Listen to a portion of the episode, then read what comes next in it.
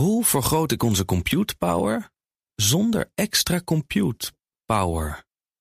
Lenklen, Hitachi Virtual Storage Partner. Lenklen, betrokken expertise, gedreven innovaties. Hartelijk welkom bij de Technoloog. Nummer 350, jubileum Herbert. Wow. We hebben een feest vandaag. Ja, en we vieren het alweer niet. Jawel. nou ja, met Carlo Beenakker. Precies. Ja, we gaan het hebben over supergeleiding. Carlo Beenakker is hoogleraar theoretische natuurkunde aan het instituut Lorenz in Leiden. Hartelijk welkom. Fijn dat je hier bij ben. Mooi zo, goed. Um, en de aanleiding is uh, ja, de, de claims die er zijn geweest over uh, supergeleiding bij kamertemperaturen. Zelfs bij hogere tem temperaturen dan dat. Dat is bijzonder. Ja. Um, en kun jij ons uitleggen, laten we maar meteen van wal steken, wat er nu precies is geclaimd? Ja, ik was op vakantie en plotseling kreeg ik allemaal appjes van mijn studenten. Van, heb je dit gezien? Heb je dit gezien? Ik was ook op vakantie. Ik was helemaal verbaasd. De Verge, ja, overal stond het. Ik denk, wat is er nu gebeurd? Toen kwam ik terug te bleken. Oké, okay, ga door. Dus we hebben als wetenschappers, zeg maar, hebben wij een soort nu.nl-achtig ding. En daar ja. kan iedereen nieuwsberichten posten of zo. Weet je wel? Dus dat, en dat is op zich, je moet je inschrijven, maar dat wordt verder, zolang je er geen rotzooi neerzet of zo, dan. Dus, het is, het is, iedereen kan daar wat doen. Dus, dus een groep onderzoekers uit Zuid-Korea. Die hebben daar twee uh, berichten gepost. Twee, dat heeft ook wel een bepaald verhaal bij. Maar goed, we hebben twee berichten gepost. Namelijk, wij uh, zijn erin geslaagd om een supergeleider te maken die bij kamertemperatuur werkt. De ja. titel was ook wel First Ever Room Temperature Superconductor. Uh, nou ja, dat is een soort ontdekking. dan kun je gewoon je kaartje naar Stockholm alvast boeken. Uh, dat is een Nobelprijs dus, dus, natuurlijk. Dus, waarom? En wellicht op langere termijn, daar gaat natuurlijk altijd ja, tijd overheen, is het ook iets wat de wereld heel erg zou kunnen veranderen. We zeggen van kijk eens, we hebben een tijd voor kamertemperatuur supergeleiding en de tijd na kamertemperatuur supergeleiding. Dus het is wel iets uh, ja, ja. wat wel even iedereen doet opspringen. Ja, en denkt en van, dat, hey, dat nu.nl-achtige wat jij noemt, uh, ik, ik, begrijp nu wat je bedoelt, dat is uh, archive.org. Ja, archive.org. Met niks in het midden. Ja, archive.org, dat is een, een, een, een preprint server. Een server, dus daar kan je... Je hebt nu tijdschriften, maar tijdschriften is altijd ingewikkeld. Dan kun je het wel heen sturen, maar dan gaat er wordt het eerst de redacteur naar kijken of ze het überhaupt willen de hebben. Peer review en dan gaan wel mensen naar kijken en dan gaan maanden overheen. Terwijl archive, daar kan iedereen uh, zeg maar iets, iets, ja, iets zetten. Maar dan weet je geen... dus ook dat het nog niet gecheckt is. Nee, maar niet alleen dat. Maar er heeft niemand naar gekeken behalve de auteurs. Dus op geen enkele... Ja, ja. Als je zelfs als je een ingezonden brief naar een krant stuurt... zal die krant er toch nog even naar kijken of het wel wat is. Hier heeft niemand naar gekeken. Dus het is heel laagdrempelig en dat is mooi. Dat is, dat is, ja. uh, dat is prima natuurlijk. Dat, uh, dat is, ja. dat is en waar, waar, ik onmiddellijk aan moest denken toen ik het nieuws hoorde... en jij ongetwijfeld ook, koude kernfusie. Ja, er is wel een verschil. Kijk, het verschil is koude kernfusie kon gewoon niet. Ik elke... okay. dus nee, er was zijn gewoon hele goede, algemene natuurkundige principes waarom kernfusie bij normale temperaturen niet kan. Dus dat was een soort claim die op geen enkele manier past in wat we weten. Ja, kun je zeggen, misschien weten we niet genoeg, maar daar kun je dus heel snel een streep doorheen trekken. Terwijl er geen enkel, enkele wet is, of in ieder geval geen enkel principe is dat zegt dat supergeleiding, wat nu werkt bij temperaturen, laten we zeggen ongeveer min 130 of zo. Dat is de, de, de hoogste temperatuur die ja. hij nu heeft. Dat je dat niet zou kunnen opkrikken tot kamertemperatuur of zelfs daarboven of zo. Er is geen enkele wet die dat zegt. En dus op zich zo'n claim op zich is niet in strijd met enig natuurkundig principe. En, en dat is natuurlijk anders dan. Dus dan, dan daardoor... Ja, ja dus het was niet per se ongeloofwaardig. Absoluut niet. Niet per se ongeloofwaardig. En, en er zijn ook allerlei mensen die zeggen van nou vroeg of laat... Supergeleiding, hè, dus Leidse ontdekking, eh, 1911. Toen waren we. Kamerling Onnes. Ja, Kamerling Onnes. Toen waren we bij 270 onder nul. En we zijn nu 100 jaar verder. En die temperatuur is van die min 270 onder nul is nu naar min 130 onder nul. Is dat een beetje lineair? Nee, dat, jaar, is, dat gaat, steeds sprongen. sneller. Dat gaat met sprongen. Ja. Dat gaat met sprongen. En, en uh, ik heb zelf zo'n sprong meegemaakt uh, in de jaren 80. Maar hoe dan ook, uh, het gaat met sprongen. En, en ja, je zou kunnen zeggen, denk, dit is wel een hele grote sprong, hoor, laat eerlijk zijn. Dit is echt, ja. dit had men niet verwacht, zo'n grote sprong. Maar dat misschien heeft iemand, hè, wat dat betreft zijn we natuurlijk heel democratisch. Het doet er niet toe waar je vandaan komt. Zuid-Korea, het had Noord-Korea kunnen zijn. Hè? Dus, dus dat, dat is Ja. het mooie van natuurlijk. Als het maar waar blijkt te Het zijn. maakt niet uit waar je vandaan komt, wat je opleiding is. Het waren onbekende mensen van een onbekend instituut. Doet er geen donder toe. Dat is dus het mooie van ons vak. Ja. Als het zo is, dan gaat een roem jouw kant op. En dan hoeft het ook niet naar een peer-review tijdschrift hoor. Dan gewoon, je hebt het aangekondigd. Als het zo blijkt te zijn, dan ben je een held. En ehm, Maar zover zijn we nog niet. nee, zover zijn we er niet. En we zijn wel een paar weken verder. Nee. Ja. Ehm, wat ik onder andere zag in alle stukken die erover verschenen zijn, eh, dat er van dit, deze paper die op die eh, eh, archive.org is eh, verschenen, zijn verschillende versies online. Eh, dus er is allerlei, zijn allerlei eh, conflicten tussen de auteurs zelf, als ik het goed begrijp. Dus het is wel een beetje shady, om het Ja, maar kijk, het dat is het, het, te het human interest ding van het ding. Eigenlijk zou ons dat niet moeten interesseren. Weet je wel? Nou ja. hoe, hoe, hoe die lui dat onderling, of de onderling ruzie hebben of niet. Maar dat is wel zeg maar, het human interest verhaal. Dus inderdaad, er is op een ochtend. Nee, maar is- als, als, als ze verschillende dingen claimen, de- Ja. dan, dat is, dan is het ook dat een is, dat inhoudelijk is niet zo. Dat is niet zo. Oh, Ze claimen zo. allebei hetzelfde. Het is meer archives.org werkt met een periode van 24 uur. Alles wat je binnen 24 uur neerzet, dat komt een dag later met hetzelfde stempel uit. Ja. En dus drie van die groep van misschien wel acht auteurs heeft zonder iets van de andere te vertellen Ah, hun stuk met drie auteurs neergezet. En het verhaal is, Dat was de eerste versie. de eerste versie. Ja. En het verhaal is, dat, dat zijn de soort verhalen die je dan leest op Twitter en zo. Is dat ze dat met z'n drieën gedaan hebben, omdat de Nobelprijs maar aan drie personen kan worden uitgereikt. Oeh. Dus als er een paper was met acht namen, dan moest je natuurlijk een hele discussie van wie zijn het. En om dat voor te zijn, hebben ze hun stuk met drie namen. En een paar uur later kwamen de anderen erachter dat drie van hun eigenlijk. eh, min of meer de, de, de, de, het peloton verlaten hadden. Oeh, en die hebben heel snel het ding er ook op gezet. Binnen die window van 24 uur. En daarom had je zeg maar twee conflicterende Dat is zeker een human interest ja, verhaal. maar goed, dat is, dat, dat doet, de claim is hetzelfde. Het is hetzelfde materiaal. ja, ja, ja. Maar ook Hetzelfde, inhoudelijk waren die papers hetzelfde. Nou ja, Alleen die namen eraf gehaald. ja, inhoudelijk. de- Sommige van de grafieken waren net weer iets anders. Daar, wordt, daar zijn natuurlijk ook wel kritiekpuntjes. Je kijkt naar sommige van die grafieken en je denkt, van, nou, dat zou hetzelfde data moeten zijn. Het ziet er heel anders uit. Weet je, eigenlijk doet het er eigenlijk ook niks toe. Hè? Want het is een ja of nee verhaal. Of het klopt of het klopt niet. En nou komt het mooie van de natuurkunde. Als het klopt, dan moet iedereen in de wereld het kunnen nadoen. Ja. Ja. En als iedereen het kan nadoen, doet het er geen donder toe of jouw artikel er mooi uitziet of niet uitziet. En de geruzie wat je hebt, zoek het maar uit. Het is zo. En we zijn inmiddels wel weer drie weken verder. En het is onvoorstelbaar hoeveel mensen erop gesprongen zijn. Ik nog vanochtend nog, ik kijk elke ochtend naar Archive.org. ja, ja, ja. Vanochtend stonden ook weer vier artikelen van mensen die, die ook hun ding gepost hebben. Van ik heb geprobeerd het na te doen. ja. Ben jij zelf aan het bakken geslagen eigenlijk? Nee, ik ben dus iemand die achter mijn bureau zit. Dus je, moet, je hebt niet veel nodig hoor. Je hebt een, een oventje nodig. Dus het recept, dus het recept hebben ze ook helemaal hebben ze openbaar gemaakt. Ze hebben Ja, natuurlijk ook Ik wil heel graag inhoudelijk wat ze namelijk Ja, ze hebben dus wat ze hebben ook trooi verteld. aangevraagd op hun materiaal. En het is materiaal wat een, je bakt. Je neemt eh, koper, ehm, zwavel en lood. Dat zijn de drie ingrediënten in bepaalde verhoudingen. Die bak je in een oven. Ze zeggen ook precies bij welke temperatuur. 180 Celsius of weet ik wat gedurende zo en zo lang. En dan komt er wat uit. En dat is het. Dus het is op zich ook een ding. ja, Je moet er zo'n oven hebben. Maar een heleboel laboratoria hebben gewoon die, die spullen klaarstaan. Het schijnt dat het nogal lastig is om die grote hoeveelheden fosfor. Misschien moet je daarvoor luciferstokjes afschrapen of zo. Daar wordt ook, maar hoe dan ook. Dit is iets wat, wat ehm, allerlei groepen denken van nou, eh, dat ga ik doen. En het is typisch iets wat je, Maar- waar je op springt met Ja. het idee van, ook al ben ik dan nummer twee, dan win ik natuurlijk niet die Nobelprijs, maar dan kom ik wel in de kranten. Dus het is iets waar je, weet je, waar je tegen al je studenten zegt, jongens, alles laten vallen wat je aan het doen bent. Nu bakken. Nu bakken en kijken of het wat is. Maar de knallende krantenkoppen dat het bevestigd is, heb ik tot nu toe gemist. Nee, dus, eh, dus eigenlijk al. eh, dus, dus eigenlijk een beetje de. ja, je kunt zeggen anticlimax, je kunt zeggen je wist het wel. Alle pogingen om het na te doen hebben niks opgeleverd. Het schijnt een isolator, niet eens een geleider. hè, Supergeleider is een hele goede geleider. Niet eens een geleider, maar een isolator te zijn.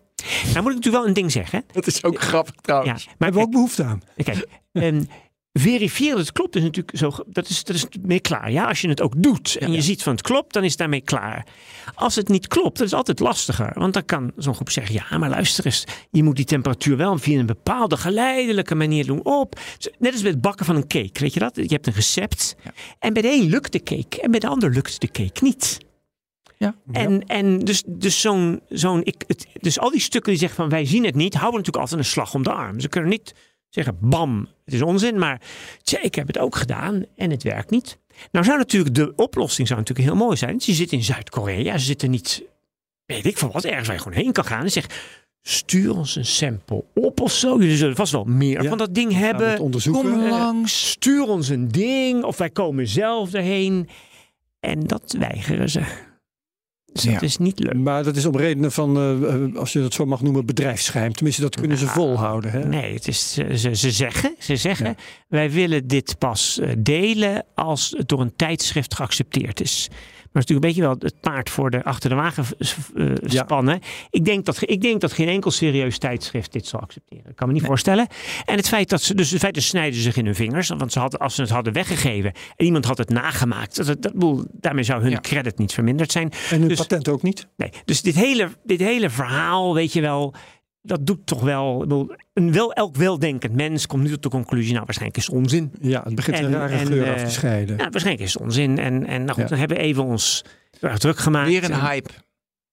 Eh, nee, maar we gaan er nog wel even over ja, door. ja, daarom. zeuren. Dit is, niet, dit is niet het einde van het verhaal. Nee, dit is natuurlijk nee. een groter verhaal. Het is een steentje in een groter ding. Ja. Maar als je me even vraagt nu, hoe groot is nou de kans? Hè? Moet ik bijvoorbeeld aandelen? De aandelenkoers schijnen ook gestegen. te zijn van energiebedrijven in ja, ja, Zuid-Korea. ja, heel veel, ja. Dus, Oh, ja. dus, eh, want kijk, de Zuid-Koreaanse regering heeft zich natuurlijk opgestort. Om te beginnen is hun, ja, hun reputatie staat ook een beetje op het spel. Ik bedoel, als het allemaal onzin blijkt te zijn, dat is ook niet gunstig voor het land. Dus die hebben ook een of andere commissie in, ingevoerd, eh, een, een staatscommissie die het moet onderzoeken.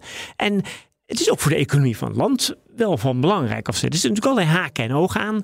En, en nou ja, vermoedelijk zal het, zullen we over een maand terugkijken en denken van ja, dat was de zomer, zomer van 2023. Dat was Ja, ja, ja, ja, weet je nog eh, dat we allemaal gingen bakken. Ehm, ben, zullen we even ga- gaan hebben over hoe supergeleiding als zodanig? Nee, want ik wil nog even weten dat koper, lood en zwavel, waar werd er daarvoor mee geëxperimenteerd om supergeleiding te krijgen? Dus wat zijn normaal de materialen? Dus was het echt nieuw waarmee ze komen? Ja. Dus Nou, die komt Dus het aardige van supergeleiding is, het, het treedt eigenlijk in alle, nou, alles is een groot woord, maar in ongelooflijk veel materialen op. Dus dat is niet zo'n ding van dat bijvoorbeeld, je hebt soms materialen als grafeen of zo, dat is een soort uniek beestje, weet je wel. Daar is ook niet van niet veel op te variëren. Camerlingones deed het met kwik. Eh, alumi- aluminium, niobium, maar ook meer ingewikkelde regeringen. Dus die grote sprong die ik heb meegemaakt, 1987, Nobelprijs, Bernard Muller. Dat was een ingewikkeld materiaal. Eh, barium, lantaan. Koperoxide was wel een, een ingrediënt wat in heel veel van die, wat we nu hoge temperatuur, we noemen het hoge temperatuur supergeleiding. Mhm. Omdat het, nou ja, niet min 270, maar min 170 is. Dus dat is een beetje onze manier van spreken. Dus hoge temperatuur supergeleiding. Het zijn over het algemeen koperoxide lagen. Lagen schijnt wel belangrijk te zijn. Dus dat je de materialen hebt, beetje zoals grafiet, wat uit lagen bestaat. Koperoxide lagen. En daar is in, van, van de periode eind jaren 80 tot ja, we zeggen, jaren 90 is de temperatuur echt met sprong omhoog gegaan. Van ja, met, met, met, met een graad of 50 à 70 of zo. En dat is eigenlijk de klasse materialen die we. Het begon met, met min 180 zo'n beetje. Hè? Ja. Temperatuur van vloeibare Ja. stikstof. Ja, vloeibare stikstof zitten we nu zelfs al wat boven. Ja. En, en dus, dus er is ook weer een andere type mangaanboor. Is weer een klasse die, die zit op, op, op 30 Kelvin, dus min 240. Ehm, er is dus een grote verscheidenheid aan materialen. Wat dus, wat dus eigenlijk ook het, de reden is waarom dit, deze claim niet direct, weet je wel. Ja, je kunt gewoon geluk hebben. Je onderzoekt iets heel anders, out of the box. Gooi dingen bij elkaar. Ehm, dus dit, dit is wel een beetje een bijzonder materiaal wat ze hebben. Ze hebben het ook heel karakteristiek. eh, Het heeft een beetje een lange ingewikkelde chemische formule. Maar ze noemen het ehm, eh, LK99. Dat is Ja. Lee en Kim 1999. Lee en Kim, dat zijn zeg maar de twee mensen die hopen dat ze Nobelprijs gaan winnen. En 1999, omdat ze al sinds 1999 hiermee bezig zijn. dus Ja, maar die wiki-pagina bestond toch ook al langer van de nee, nee, je gek, die is, die is terstond toen. Nee, onze Dus, nee, maar nee, nee. de, de, de, de lood in een regering bestond toch wel langer? Hoe las ik? Nou, het, is, het, heeft, het heeft een naam. Nee, nee. Dus lead appetite is de technische Ja. term. Nee, het is een, een materiaal wat niet compleet raar is. Ehm, het is een heel ingewikkeld Maar materiaal. dan hebben ze de verhoudingen anders gemaakt. Of Nee, de een- temperatuur omhoog. Nee, ze hebben dus. Het is een ingewikkeld materiaal. Om te beginnen al, u noemde zwavel. Dat hoort er niet in te zitten. Men vermoedt dat het er wel in zit door verontreinigingen. Het is ook geen zuiver materiaal. Het is niet het eerste materiaal wat je zou willen doen als je geordende, mooie. eh, dus lood, lood, zwavelverbindingen zijn uitvoerig bestudeerd. Dus het heeft iets, iets vies, zeg maar. Iets, die zegt van nou, daar kan nooit iets leuks uit voorkomen. Maar goed, eh, ze zeggen het en. en, en eh, Oké. Dus er is veel bekend over het materiaal. Ook op Archive zijn, op zijn nu alle artikelen verschenen voor mensen die het hebben doorgerekend. Helemaal doorgerekend hoe de structuur in elkaar zit. Die komen allemaal tot de conclusie: het is een isolator. Er zijn die berekeningen, die hebben ook hun beperkingen. Kijk, een van de redenen waarom het hele onderzoek niet zo hard loopt, is omdat we tot op de dag van vandaag niet kunnen uitrekenen wat de supergeleidende temperatuur van het materiaal is. Als je iets simpels neemt, neem maar een van de legering of weet ik veel wat, en zeg van nou, dit is de chemische formule. Vertel mij maar eens bij welke temperatuur het supergeleidend wordt. We kunnen het niet. Je kunt het alleen maar proberen. Misschien zou je zeggen, nou, misschien kunnen we het niet heel nauwkeurig. Nee, we kunnen het absoluut niet. En ja, dat is en een beetje. vraag is dan, hoe komt dat? Ja, dat komt omdat het. Uh, dingen als waterstof kunnen we goed uitrekenen. Ja, twee twee, twee uh, protonen en, en, en een paar elektronen. Koolstof kunnen we goed uitrekenen. Als je het ingewikkelder maakt, heb je meer atomen, meer elektronen. Die doos is groter.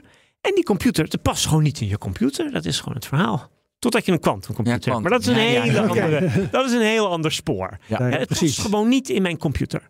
Ik, ik, ga, ik kijk en ik zeg nee, daar heb ik eh, alle rekenkracht van de wereld is niet sterk genoeg om dat door te rekenen. Ja. Nee, dus jij wilde naar de basis. Ja, uh, want kun je uitleggen, het is dus uh, uh, 100 jaar geleden zo'n beetje uh, supergeleiding ontdekt door Kamerling Onders, ruim 100 jaar geleden. Um, hoe werkt dat? Hoe is het mogelijk? Want, want het is mij altijd op de natuurkundeles uitgelegd: elektrische stroom ondervindt weerstand. Want die elektronen die moeten tussen allerlei atomen doorheen dwarrelen. En dat, dat gaat niet helemaal vanzelf. Dus dat levert wat wrijving op. Maar hoe kan dat er dan opeens niet zijn? Ja, dat is een goede vraag. Ik ga hem als volgt beantwoorden. Toen oh. dus in, in 1911 dat ontdekt werd, toen had je heel veel knappe koppen. Einstein was een hele regelmatige bezoeker van Leiden. We Lorenz genoemd. Grote uh, Oppenheimer, Oppenheimer, Niels Bohr. Grootste genieën. Picard. Dit was het grootste probleem van die tijd. Om dat op te lossen. Heeft Hoe dat kon? Ja, heeft 50 jaar geduurd. Oké. Dus ik zeg dit omdat, als, als, om uit te leggen waarom ik uw vraag niet in twee zinnen ga beantwoorden. Ja, dus dus uh, de reden waarom het is, is, is een, iets mysterieus. Uh, als je in Leiden gaat studeren, na een aantal jaren wordt het je uitgelegd en dan snap je het ook nog maar half. Dus het is een heel mysterie. Dat is ook een deel van de, de mystiek ervan. Waarom we het zo. Kijk, als alleen maar zeggen, weet je wel, sommige dingen hebben wat uh, hoger geleidingsvermogen, sommige dingen wat lager. En hier is het heel erg laag. Dan zeg je, nou zal wel. Weet je wel, oké. Okay. Ja. Nee, het is iets radicaal anders. Het, is het heeft iets magisch. Het is dan kwantum, dat is, dat is het verschijnsel. Het is iets magisch. En, en, met beeldspraak proberen we het wel uit te leggen. We leggen dan uit dat die elektronen een soort dans uitvoeren. Maar dat is allemaal maar gepraat. Weet je, het heeft echt 1957, Bardeen Cooper Schrieffer, ook een Nobelprijs. Oh ja. Die hebben het voor het eerst ontdekt. Dit was e-, Einsteins grootste droom om dit probleem op te lossen. Hij heeft van alles geprobeerd.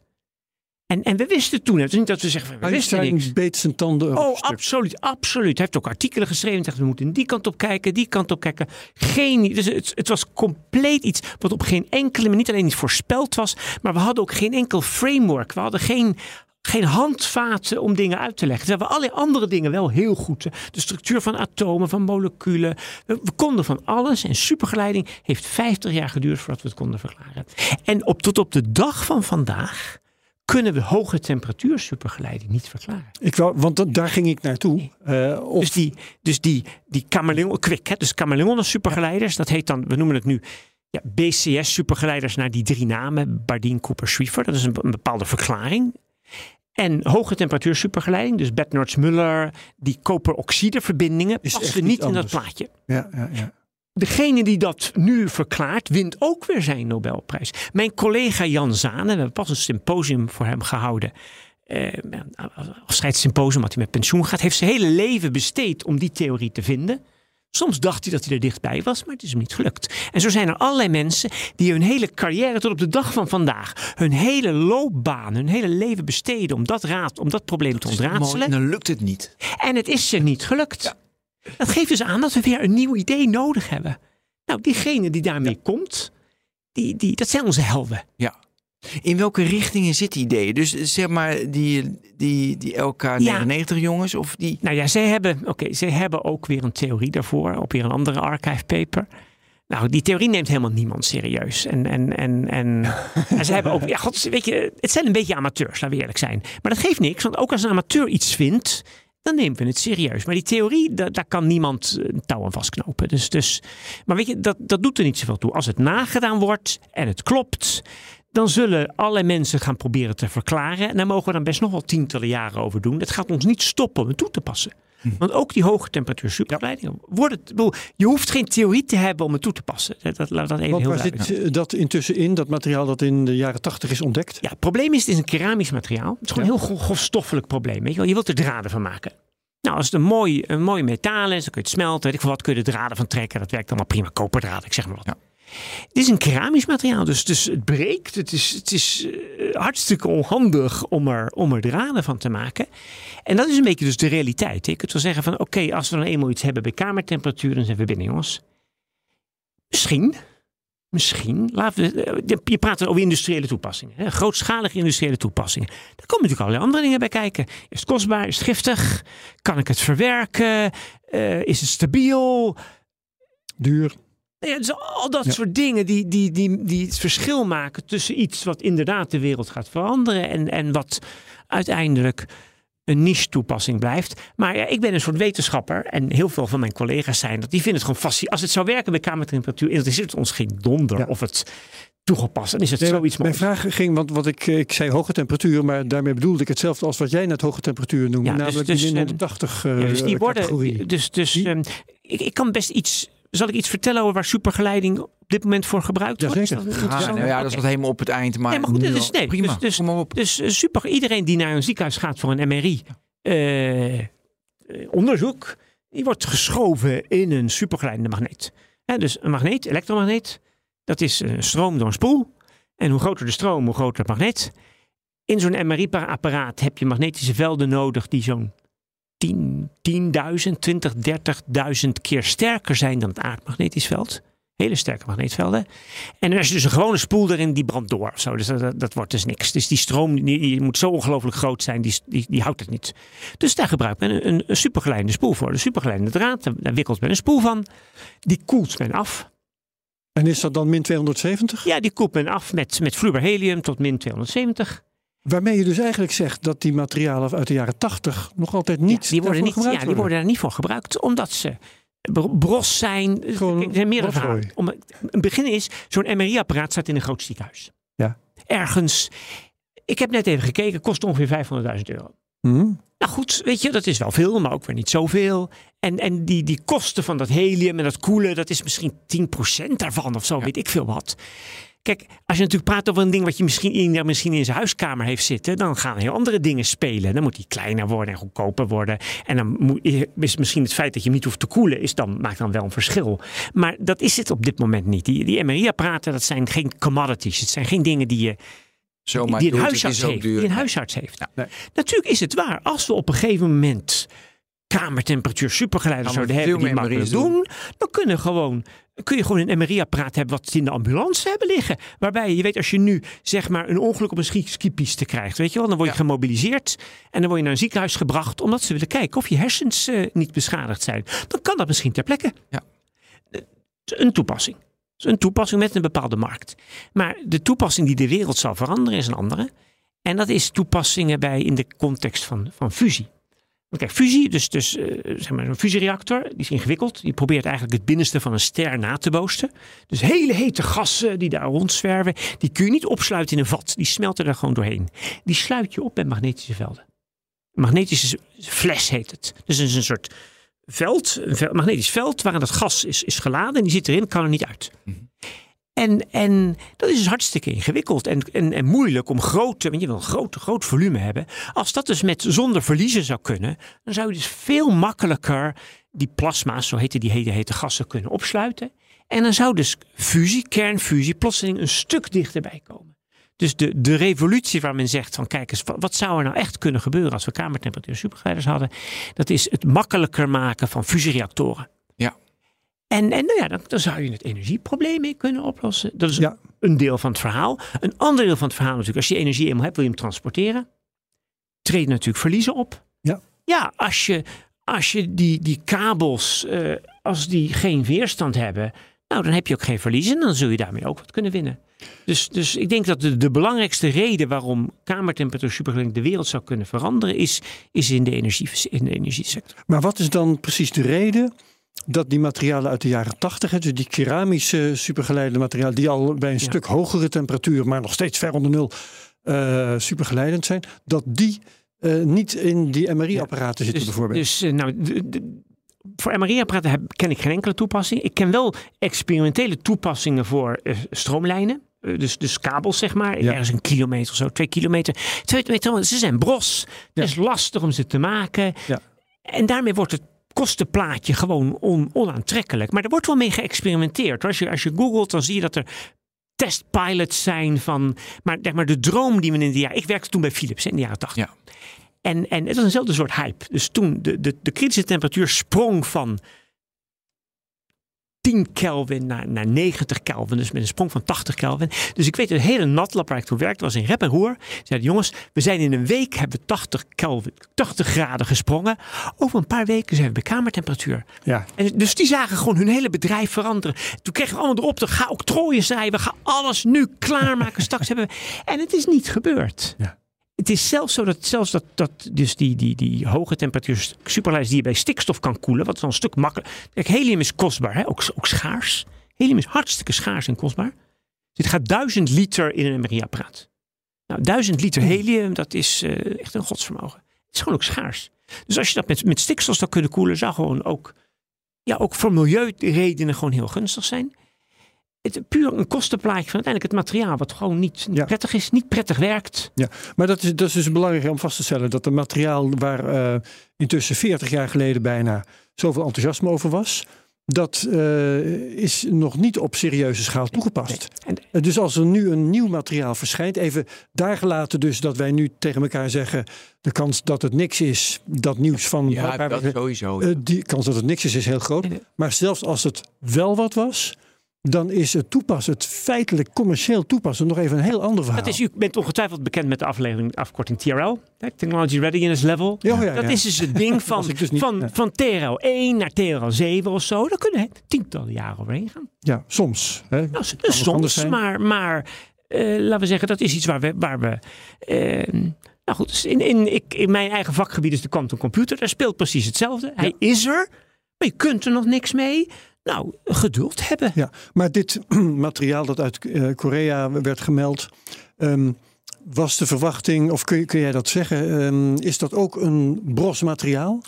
Of is het meer te vergelijken met metaal? Is het meer te vergelijken met dat spul uit de jaren 80? Nou, weet je, daar, daar maakt. Ja. Daar valt heel weinig over te zeggen. Oh, daar valt heel weinig over te zeggen. Het is in ieder geval schijnt vrij makkelijk te maken zijn. Dat is al gunstig. ja. Het ziet er een beetje rotzooierig uit, maar, maar eh, nee, weet je, daar, daar, het is een vraag die ik niet kan beantwoorden, waar zich ook Nee. niemand op dit moment druk om maakt. Van, kun je er draden van trekken of weet ik veel wat? Nee, nee ja, Eh. maar het is dus wel handig om je te realiseren dat eh, als het al supergeleidend is, dat je dan er nog niet bent. Nee, dat, dat is gewoon absoluut waar. Er, is, dus- er zit, komen nog een hoop andere dingen bij kijken. Maar ja, weet je, wat kijk, het punt is, als je eenmaal dat ding hebt, dan kun je daarop gaan voortborduren. Dan kun je zeggen, nou, dit heeft misschien die onaantrekkelijke eigenschap. Maar dan weet je namelijk waar je moet zoeken. Dan zeg je van, nou, maar als we dit nou veranderen, dan wordt hij misschien wat minder bros. Of dan wordt hij misschien wat minder giftig. Dus dan, daarmee open je ook een onderzoekslijn. Dat gebeurde natuurlijk ook met die hoge temperatuur supergeluid uit de jaren 80. Hè. Dat is alle laboratoria sprongen erop om het te verbeteren, verfijnen. Dus dan heb je wel een, een, een, een pad. Dat is eigenlijk een beetje wat op dit moment ontbreekt. Hè. Dus de, als je vraagt van, wordt er intensief onderzoek gedaan naar het verhogen van de temperatuur van supergeleiders?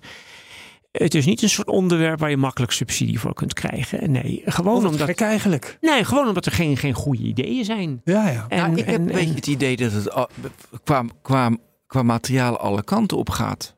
De, de- ik heb niet het idee Nee. van, oké, we zitten in de richting bijvoorbeeld van dat. Het zwavel was een beetje vies, maar eh, zeg maar koper, zwavel. In die richting zitten we en daar moeten we voortborduren. Nee.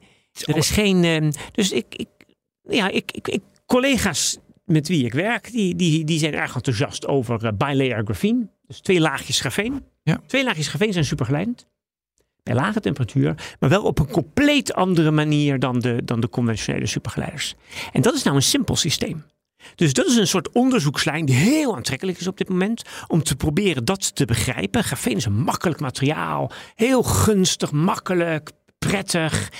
En, en het zou zomaar kunnen, als je dat beter snapt, als je dat beter snapt, dat dat zeg maar de route is. Dus je moet een route hebben. Het heeft totaal geen zin om dingen in een oven te gaan gooien en dan maar wat te proberen of zo. Dat, dat, Nee. dat slaat Hebben die. Koreanen dat verhaal eigenlijk verteld? eh, hoe ze er zo toe kwamen om dit materiaal Ja, te Het fabrieken? verhaal gaat dat, dat die Lee en, en, en, en Kim voor hun promotieonderzoek eh, in de jaren 90, hè, LK99, Ja, ja. Hè, dus Ja, in de ja. jaren 90 hiermee zijn gaan spelen en, er- en, en erdoor geobsedeerd zijn geraakt en nooit wat anders gedaan hebben. maar nee, dat, dit is niet een, een, de manier waarop je een onderzoekslab Nee. er is geen roadmap. Weet je, wel? je wilt een roadmap hebben. Dus waarbij je kunt zeggen: kijk eens, dit is een goed idee. Laten we nou dit gaan doen. Laten we dat gaan proberen. We hebben plan A, we hebben plan B.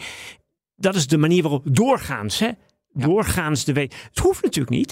Dat is het, het aardige natuurlijk van de wetenschap. Je hebt ook. Grafeen is een mooi voorbeeld. Hè? Er was ook een, een roadmap om dat te doen. Hè, Koolstof dunner en dunner maken. En toen kreeg je die rare meneer Geim. Die zei: laat ik met een stukje platband dat proberen. En het lukte hem. En dat kan dus ook. Oh, dat was onze vriend die André die in, André, in precies. Nijmegen. Je kunt dus ook gewoon door iemand hebben die ergens in afzondering geïsoleerd een eigen idee heeft. En dan doet het er geen donder toe dat je niet op die roadmap zit. Dat is het leuke van, van mijn Ja, vak, vind ik hoor. Je kunt dus heel systematisch werken met grote investeringen, met een grote industrie achter je. plan maken. En, en dan kan het gewoon dat iemand in een Ja. klein lab ergens zegt van weet je ja, men heeft het over vrijdagmiddag experimenten. Weet je, ik heb dit geprobeerd en het werkt. Ja. En dan klappen we. We moeten Michiel, misschien is Michiel wel zo'n persoon die ineens eh, iets gaat vertellen. Dat, dat we iets uitkomt dat iedereen denkt van nou, hier moet ik echt iets mee. Michiel van Capgemini heeft een commerciële mededeling voor Precies. ons. Hallo allemaal, Michiel hier van Capgemini met een nieuwe vacature. Ben jij een projectmanager wiens hart sneller gaat kloppen van data science, big data of artificial intelligence? Dan ben jij wellicht onze nieuwe projectmanager. Van deal tot oplevering, jij bent erbij betrokken. We werken voor grote internationale klanten en voor uiteenlopende projecten. Wij bieden een fijn salaris, trainings- en doorgroeimogelijkheden en dat alles direct onder een vast contract.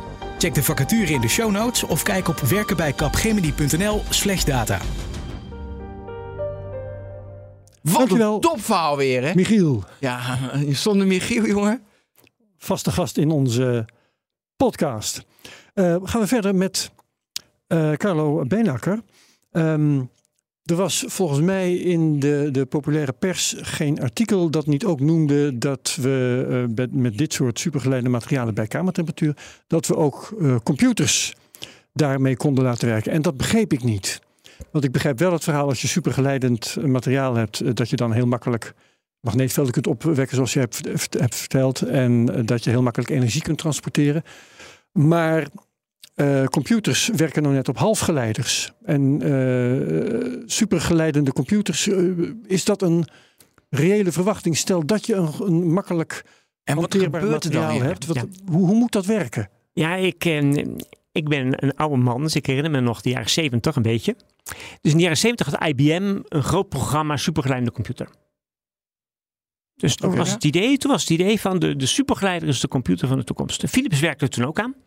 Toen ik, toen ik op het natrap kwam, werd net die hele groep opgegeven. Want eigenlijk eh, in de jaren 80 zag men het wordt niks. Dus er was namelijk het idee van, dus in een, in een gewone transistor, daar lopen elektrische stroompjes, die wordt heet, die, die, die, die wordt heet. En dat is ingewikkeld, dan moet je hem koelen en weet ik veel wat. Dat was het idee om een supergeleidende schakeling, werkt namelijk op een compleet andere manier. De Josephson Junction. Echt, precies, u, Ja. ja, u bent wel een expert. Nee, ik- nee. Ik, ik las toen populair werd en ik moet, moet er opeens aan denken. Nee, dat Ja, was dus, dus, dus een, een, een, een supergeleidende computer werkt niet met transistoren, die werkt met Josephson juncties. Dus een compleet anders principe. Er zijn geen stromen die lopen. Eh, die werken met, met, met kleine magneetveldjes die, die geschakeld worden. Dat was een heel, een hele, zeg maar, een heel roadmap. Dat was echt een heel blauwdruk van hoe dat zou moeten.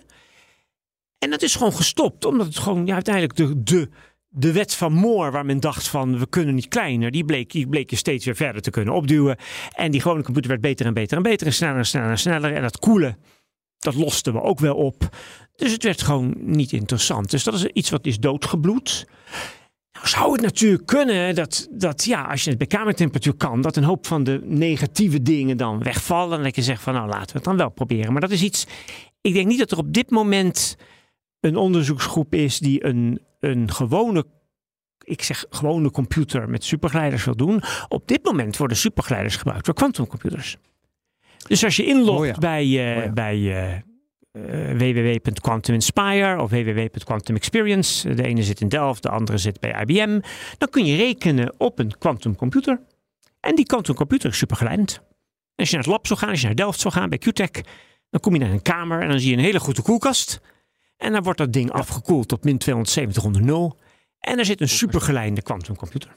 Maar daar hebben we het hier al eens een paar keer over gehad. En wat wij daarvan begrepen hebben, dat is dat je met een quantumcomputer ja, wel bepaalde rekenproblemen kunt aanpakken. Maar je gaat er geen tekstverwerker op bouwen of geen gamingcomputer. nee, dat is waar. En bovendien is, is, is die, die quantumcomputer die je nu, die, waar je nu op kunt inloggen, die is klein en die crasht heel snel. Maar dat is een, een, een technisch probleem. Ja? En, en zou dat verholpen kunnen worden door kamertemperatuur supergeleiders? Nou ja, de problemen die we daar hebben, die zijn, weet je, dat, die zijn enorm hoor. Dus, dus de, dat hele idee dat je dat afkoelt, dat is echt een afterthought. Dus, dus, dus in die richting, ik denk niet dat, dat dit een serieuze ik kan niet honderd jaar vooruit kijken, maar, Nee, nee, nee. maar het is niet als we nu kamertemperatuur supergeleiders hebben, dat dan de informatieverwerking compleet anders zou zijn. Ik, ik kan me daar niks bij voorstellen. Nee, maar het, het komt er dus op neer dat eh, de, de bewering dat eh, als die kamertemperatuur supergeleidingen zou zijn, dat supergeleidende computer, hè, computers die geen warmte produceren en nauwelijks meer energie eh, gebruiken, eh, dat die dan om de hoek zouden liggen, dat is dus niet waar. Ja, daar zou ik geen geld op inzetten. Ja, Daar zou ik geen geld op inzetten. Kijk, je kunt natuurlijk honderden jaren vooruit kijken, maar, Ja. maar Ja. daar is geen, geen logische. Al die andere dingen is nog een heel verhaal hoor. Ik heb fusie, Ja, hebben hebben we over eerder- gehad. Ja. Eh, Dat is allemaal een heel verhaal, maar dit is iets wat zo.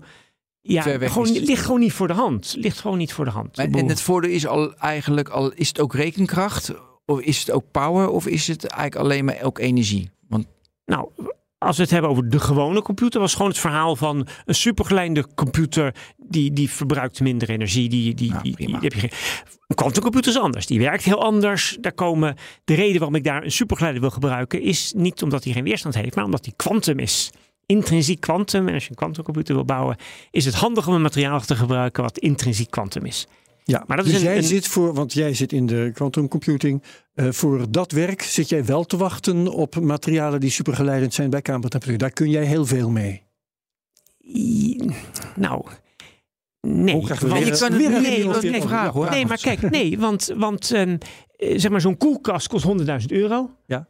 De kosten om die quantumcomputer te bouwen is waarschijnlijk 100 miljoen. Dus, dus als je die, die koelkast weg is, dat, dat- het maakt het helemaal niet. Het is een dingetje, weet je wel. Het is echt, koelen is nu een commodity. Als je nu op de website gaat van Oxford Instruments, dan koop je voor 50.000 euro een, een, een machine die afkoelt tot, tot eh, min 270.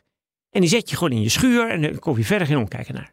Dus het is echt een commodity. Misschien niet iets wat je gewoon iets, iets in je huiskamer hebt, maar wat je gewoon elk, elk lab, elk heeft Ja. dat. Het is, Nee, dat begrijp ik. Hè. Op dit moment, eh, nu je eh, research aan doet, eh, is die verhouding zo dat de kosten van het koelen eigenlijk niet relevant zijn.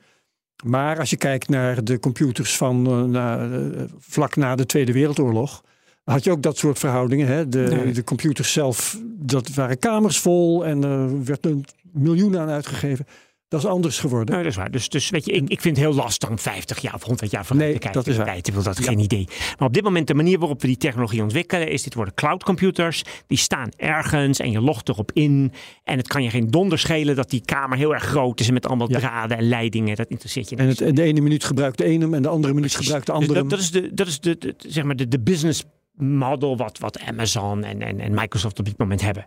Er is geen enkel realistisch plan om dit in je huiskamer te hebben. Of dat, dat je zeg maar, je laptop zou vervangen of zo. Dat is, Maar even tussendoor, ik kan dus bij Oxford, wat was het? Oxford Community, kan ik, kan ik voor 50.000 euro die koeling kopen? ja, of je koopt hem in Leiden bij mijn collega Fossati bij Leiden die- Heb ik alleen een Cryogenics. koeling of heb ik dan een kleine quantumcomputer? Nee, dan heb je een, dan heb je een koelmachine. Ook alleen dat kan koelmachine. Nee, die koelmachine. Dus die ding waar die in hangt. Ja, Dus ja, ja, waar die in hangt, ja. En Ja. daar stop je hem in. Ja, maar dan moet ik ook nog die, eh, moet ik ook nog die quantumcomputer. Nee, die quantumcomputer is een ander verhaal. Maar we Ja. hebben het over dus het, Ja, het het koelgedeelte koelen is- is, is echt gewoon een ding wat je op een website koopt. Dan Ja. wordt die gewoon Maar de koelkast is voor jou.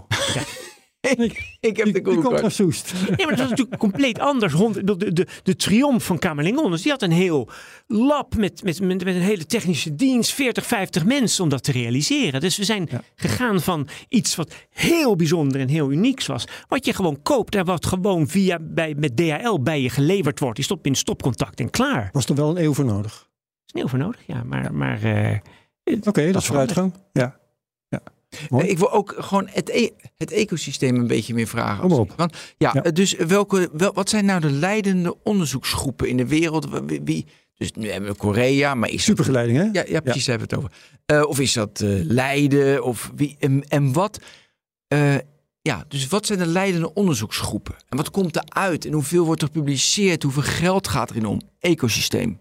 Hoeveel, kijk, bijvoorbeeld in het hele cloud en in quantum, daar stopt Microsoft heel veel geld in, in quantum. Nou, hartstikke mooi dat ze dat doen. Hoe zit dat met supergeleiding?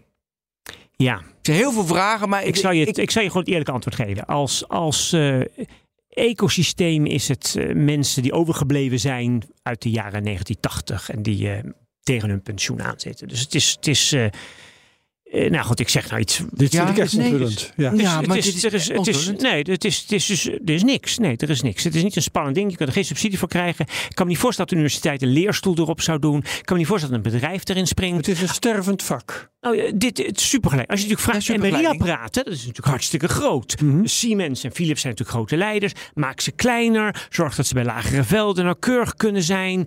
Eh, dus dat is een big business. Ja? Dus, dus MRI is big business. Eh, Ja. eh, mijn zoon werkt voor oog-MRI's. Dat is een hartstikke ingewikkeld iets. Om een oog, dat je, dus als je een tumor in je oog hebt, sinds kort kun je in Leiden een MRI laten maken van je oog. Fantastisch. Het oog beweegt, kun je niet Is- fixeren.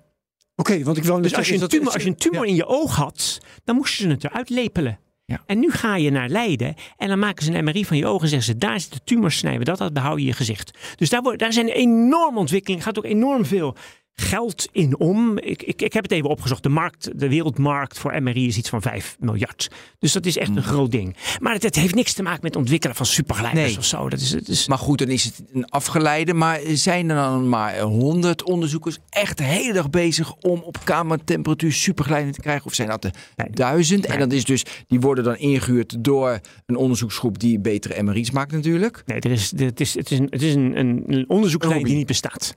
Het bestaat zelfs Het is helemaal een onderzoekslijn die niet bestaat. Nee. Het is een, een onderzoekslijn die in de jaren tachtig. Dat gebeurt gewoon met onderzoek. Weet je, onderzoekslijnen komen op, dus eh, sterven uit. En dan komen ze soms weer op. Dus het zou zomaar weer terug kunnen komen. Ik heb die, die hype meegemaakt in de jaren tachtig. Iedereen ging supergeleiding doen. Iedereen. Ja. Iedereen ging supergeleiding. Grote programma's. Het, het kon niet op. Nou, er is weinig vordering geweest in, in, in, in. Ik heb het even niet over supergeleiding bij hele hoge druk. Dat is weer een hele andere. Die weg, die, die weg kunnen we ook wel gaan bewandelen. Ja, ik word nu nieuwsgierig daarna. Maar, dat, eh, Nou goed. maar is er dit af? Supergeleiding bij hele hoge druk is een niche. Dus als je zegt, dus, dus sowieso eigenschappen van materialen bestuderen onder hele hoge druk. Dus krankzinnig hoge druk is een niche.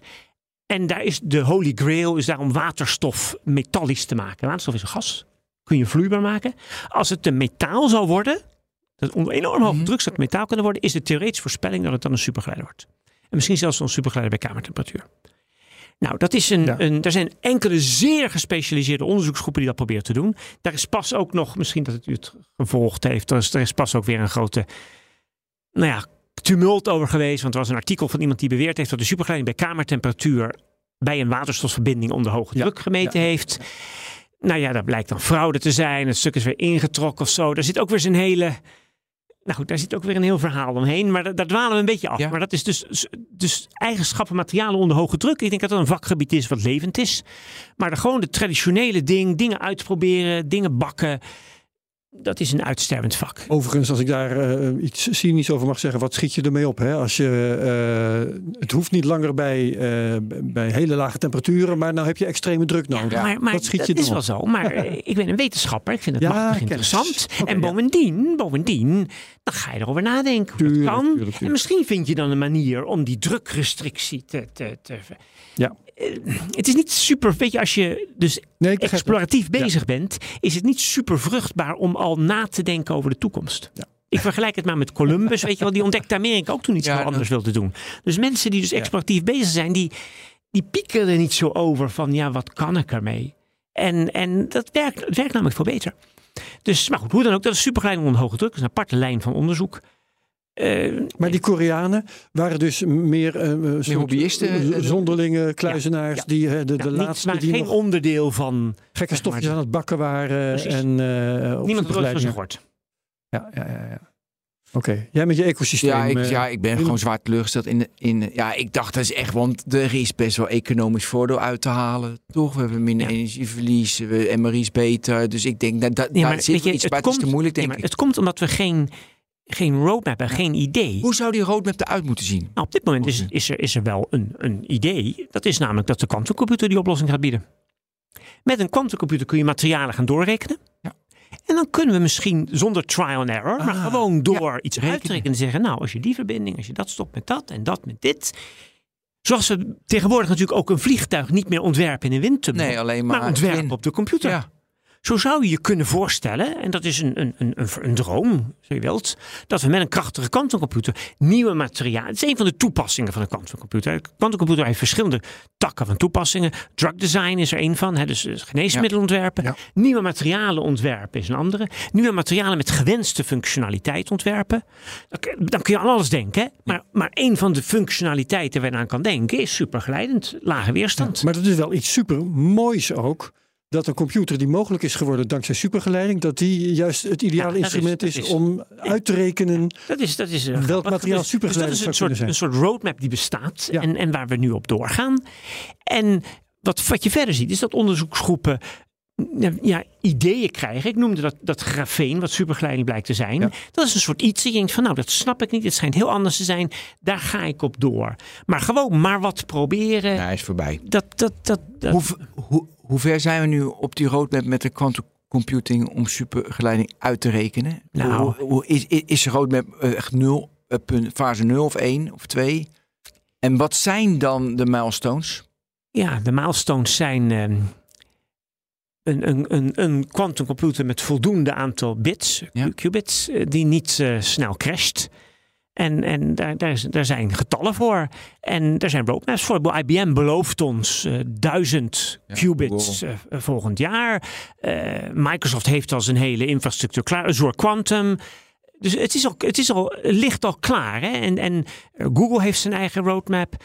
Dus dit is een tak van sport waar de businessplan en hoe het zal gaan en hoe we geld gaan verdienen, dat ligt, dat ligt klaar. Die technologie wordt nu ontwikkeld. En ja, hoe snel zal dat gaan? En komen er misschien obstakels waarbij het heel langzaam, maar men praat dan over de quantumwinter, waarin het dan op een gegeven moment ja, een beetje niet snel gaat. Dat investeerders interesse verliezen. Dat is iets spannends. Ik zit er middenin. Dat is mijn dagelijkse werk. En ik vind het ongelooflijk spannend. En over, als je me over tien jaar interviewt, kan ik je veel meer vertellen. Dus op dit moment is het iets van... Je hebt investeerders die dat risico durven nemen.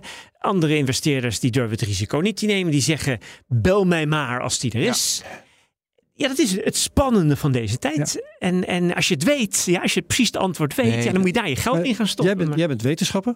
Ehm, het, het gaat, eh, als het over eh, Microsoft en eh, Azure Quantum en zo gaat, dan dat is technologie. Dat is commercie. Um, maar wat, uh, dus wat, wat die uh, IT-bedrijven doen, daar kan ik me wel iets bij voorstellen. Die proberen uh, nou ja, met, met, zo, weinig, met zoveel mogelijk qubits proberen ze te krijgen. En dan vervolgens proberen ze met zo weinig mogelijk qubits zoveel mogelijk te doen. Allemaal leuk. Maar wat is jouw taak als wetenschapper daar nog in dat veld? Oké, okay, mijn eigen taak als wetenschapper is het ontwikkelen van computerprogramma's die op een quantumcomputer werken. Software. Ja, dus dat is namelijk ah, compleet okay. anders. Hè? Dus ja, ja, ja. ik geef in Leiden, mijn collega's geven in Leiden een college hoe programmeer een quantumcomputer. Ja. Er komen honderden studenten op af. Dus namelijk niet, weet je, een andere taal. Vroeger had ik Fortran, toen had ik C, toen is het Python. En, en nee, zo is het niet. Een quantumcomputer programmeren is radicaal anders. En voor studenten is dat geniaal. Weet je, als je zo oud bent als ik, dan herinner je je nog toen de quantumcomputer kwam, de ponskaarten. Iedereen vond het toen leuk om zelf te gaan programmeren, zelf een computer te bouwen. Er is geen enkele tiener die dat nog doet. Wie bouwt zijn eigen computer? Tieners van nu, die dromen van de quantumcomputer. Daar zijn de banen, daar kunnen ze iets wat hun vader en hun grootvader niet kan. En, en dus dat is ongelooflijk spannend. En dat is waar ik met mijn onderzoeksgroep in Leiden, we hebben Applied Quantum Algorithms, zo noemen we onszelf. En dat, dat loopt gewoon als een trein. Iedereen komt erop af. Ze vinden ook geweldige banen. Dit zijn mensen, als je op LinkedIn laat zien dat je een quantumcomputer kan programmeren, dan word je gewoon net afgestudeerd. Gewoon kom, ja, kom Microsoft, Google, IBM. Nou, ook maar ook ja. bij andere kleine bedrijven. Dat is ongelooflijk spannend. En, en dus ik, ja, ik vind het echt een voorrecht dat ik in deze tijd mag leven. Ja, wie niet? Uh, nou, ik moest ook heel erg denken aan het maken van nieuwe materialen, aan de technologie die we hebben gemaakt met Max Welling. Eh, hoogleraar machine Microsoft, precies. Nou, Ja, dat precies. is nou goed. En Kijk, hij- dat is AI, machine learning, is ook een ongelofelijke ontwikkeling Ja. die hier eigenlijk niet echt wat mee te maken heeft. Ja, maar, maar, het is hij een- zegt wel, ik reken ook met die hele snelle Azure computers, met die snelle, proberen wij nieuwe materialen ook te ontdekken, nieuwe geneesmiddelen te ontdekken. AI is een mooi ding. Hè? Er is een prachtige zin van Robert Dijkgraaf in, Ja. een, in een andere podcast. 2023 is het jaar dat de computer langs zij kwam. Alleen Langs hij kan dat, kwam? ja, Ja. kan dat zo mooi Lang zeggen. zij kwam. Lang, we hebben Oh, bij de mensen langs ja, zij. lang. wel Ja. namelijk gedacht, computer is dom. Als je iemand uitlegt, ja, computer, ja, hij kan heel snel, maar hij is dom. Laat hem een plaatje van een kat zien, hij weet niet wat het is. En dit is het jaar waarin de computer misschien ons nog niet heeft ingehaald. Maar iedereen die wel eens met ChatGPT gewerkt heeft, die verwondert zich over. Toch? En Ja. dus Ja, tot, totdat je een goed gesprek met ChatGPT probeert te voeren. je, la- langs zij. Hè? Ja. Dus, dus dingen die we dachten die zijn voorbehouden aan menselijke creativiteit. Die, die, Ja. en, en dat er zijn mensen die slaan dommere taal uit dan ChatGPT. AI was natuurlijk ook tientallen jaren lang een belofte die niks werd. Weet je wel, AI, hallo, eh, hij kan niks, hij is dom, hij kan. En, en dat is ja, nu. dat wil ik even nuanceren, hè, want er zit natuurlijk ook AI in, in Google en in mijn auto. En weet je, er zitten natuurlijk wel, en natuurlijk allemaal beter, weet ik, maar er- zijn Nou toch ja, wel mooie. niet, is dat AI hangt van de definitie af, dan krijgen we de hele discussie. Nee, maar god, het, het verschil tussen zeggen hey Siri of hey Google Ja. of, een, of een gesprek met ChatGPT is wel even iets heel anders hoor. Eh, eh, Oké, hoe dan ook.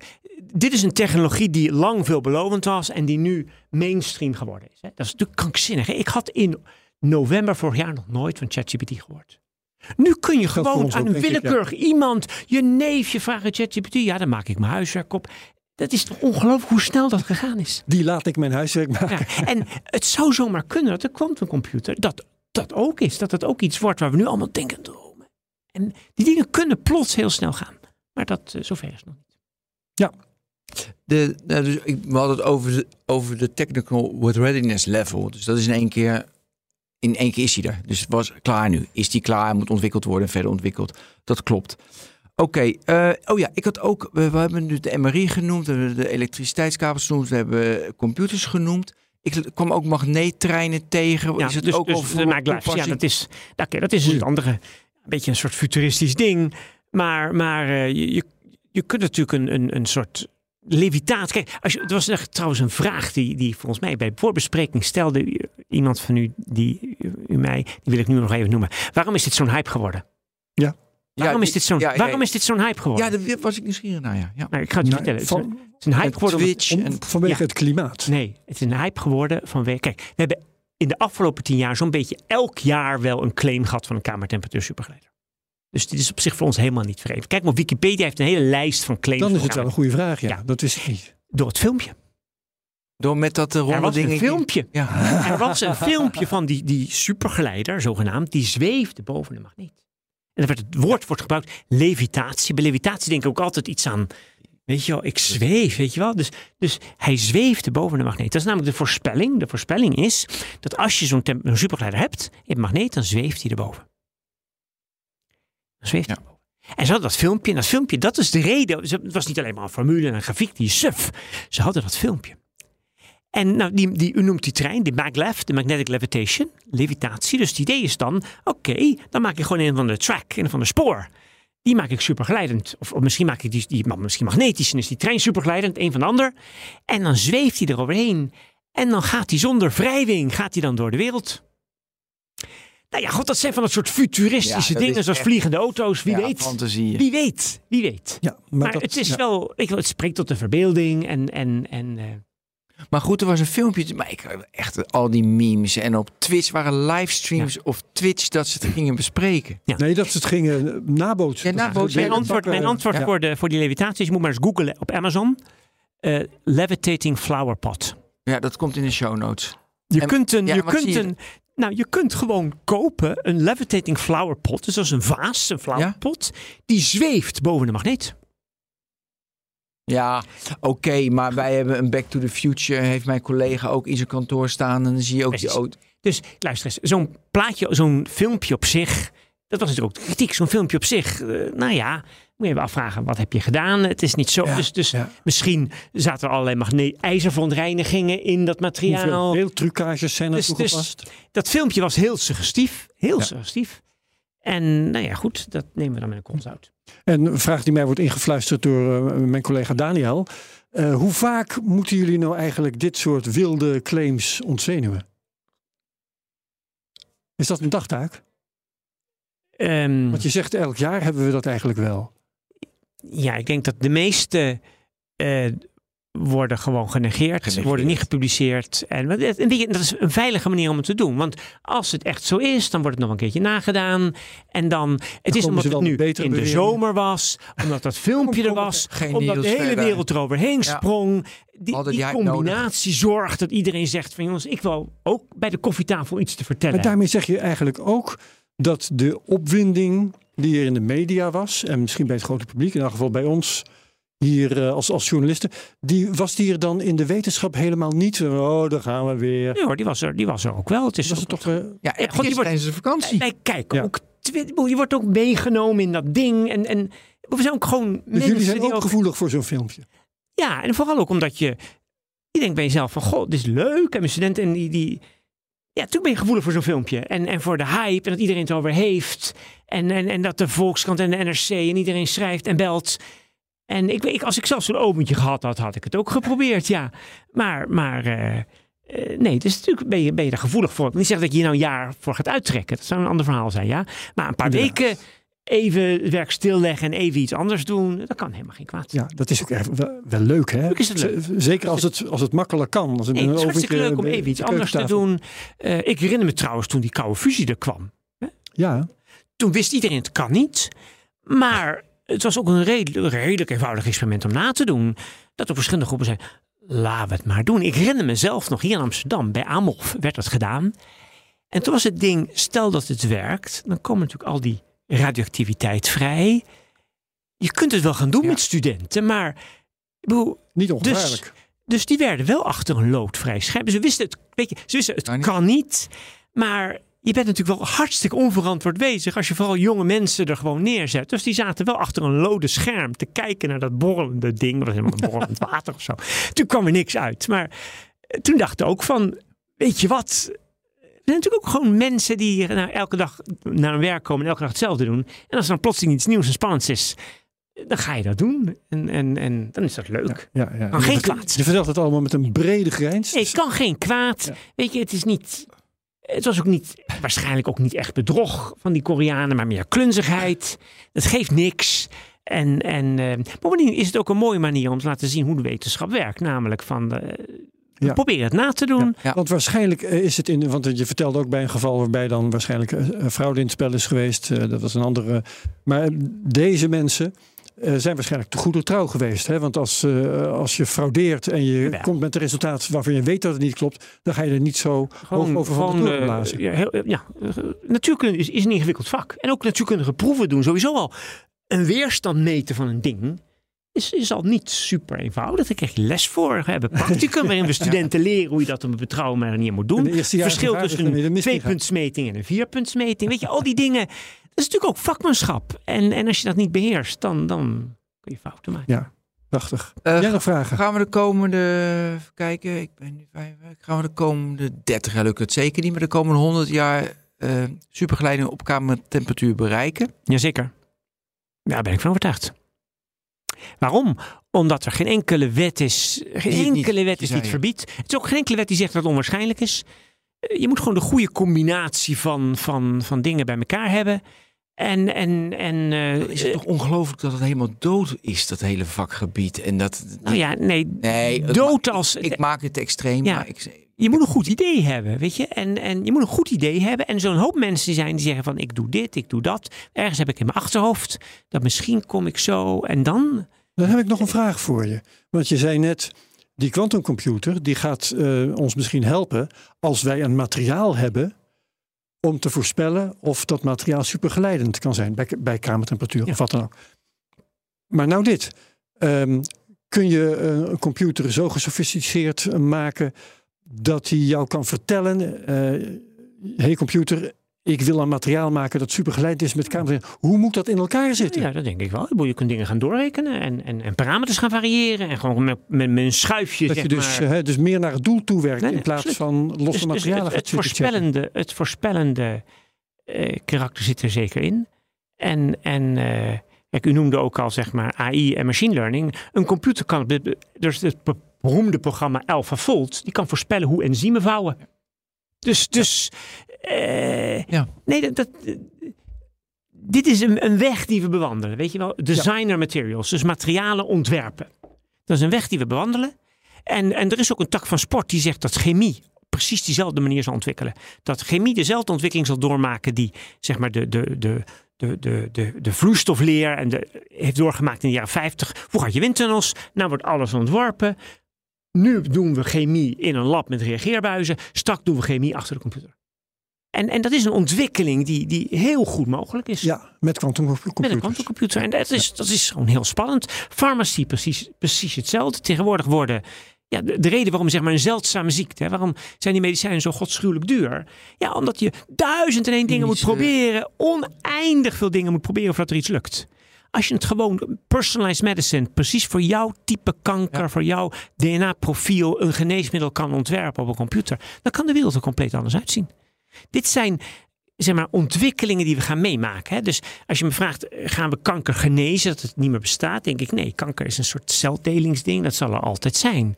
Gaan we het op een gegeven moment onschuldig maken, zoals bijvoorbeeld AIDS, HIV, onschuldig, tussen aanleidingstekens, tussen aanleidingstekens onschuldig geworden is, dat je blijft leven. Dan denk ik, dat gaan we gewoon meemaken. Ja. Zodat je, je kinderen straks terugkijken en denken, kun je nog herinneren een tijd Dat als je je kanker had, dat je doodging. Zoals we nu natuurlijk, de angst van mijn moeder was polio krijgen. Weet je, als je als kind in de jaren 40, 50 polio kreeg, nou, of je ging dood, je was gehandicapt. Daar, daar hoor je toch nooit meer iemand over. Nee. Is weg. Dus die, die ontwikkelingen zijn er wel. Dus op die manier wordt de wereld wel Ja. een stukje beter. Wel Oké. mooi, Herbert, dat een bijna een broodje aap verhaal toch allemaal dit weer oplevert. Ja, en ik vind het leuk hoe die cirkel rond is. eh, dat ehm, de supergeleiding ehm, nagestreefd kan worden met computers die zelf hun bestaan Ja. danken aan supergeleiding. Ja, is mooi. Prachtig.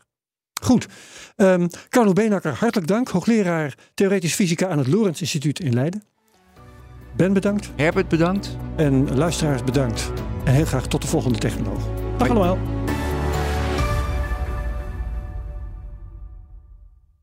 Hoe vergroot ik onze compute power zonder extra compute power? Lenklen, Hitachi Virtual Storage Partner. Lenklen, betrokken expertise, gedreven innovaties.